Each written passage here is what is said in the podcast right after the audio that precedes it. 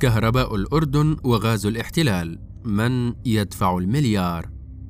يدفع الأردنيون ثمن الغاز الإسرائيلي الذي اشتروه من دولة الاحتلال الإسرائيلي بأعلى من أسعاره في الأسواق العالمية وذلك بموجب اتفاقية الغاز المشبوهة التي بدأ سريانها مطلع العام 2020 وهذا هو التفسير الوحيد لسلسلة الارتفاعات المتكررة لتعرفة الكهرباء على المستهلكين في الأردن. في العام 2016 وقعت شركة الكهرباء الوطنية المملوكة للحكومة في الأردن والمزود الوحيد للطاقة الكهربائية في البلاد اتفاقا لاستيراد الغاز الإسرائيلي يبدأ سريانه اعتبارا من بداية العام 2020 ويستمر ل 15 عاما لاحقة وبموجب هذا الاتفاق يدفع الأردن لدولة الاحتلال 15 مليار دولار أي بواقع مليار دولار سنويا نظير الغاز الذي سيحصل عليه والذي سيتم استخدامه في توليد الطاقة الكهربائية.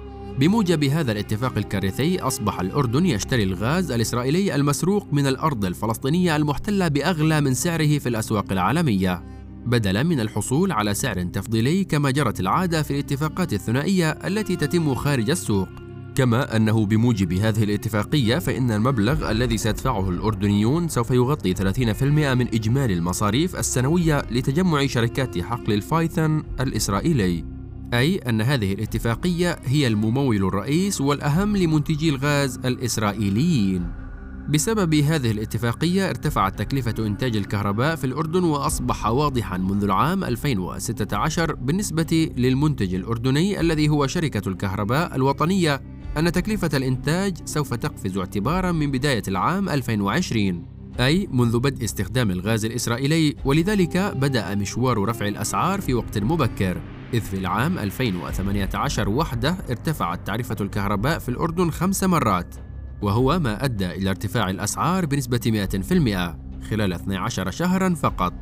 أما خلال العامين السابقين لسريان الاتفاقية أي خلال عام 2018 و 2019 فقد كانت أسعار الكهرباء في الأردن قد ارتفعت بواقع الضعفين أو 200% وهو ارتفاع قياسي لم يسبق أن شهدته البلاد في هذه الفترة الزمنية القصيرة من قبل.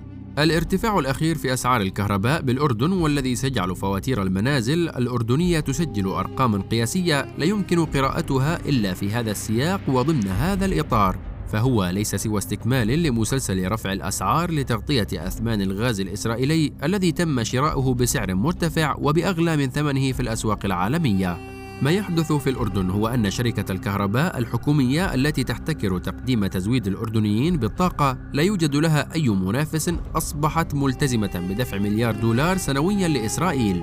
وحتى توفر هذا المبلغ وتفي بالتزاماتها ليس لها من سبيل سوى رفع أسعار منتجها الوحيد وهو الكهرباء التي يتم تزويد الفقراء والأغنياء على حد سواء بها في منازلهم ومكاتبهم وشركاتهم ومصانعهم.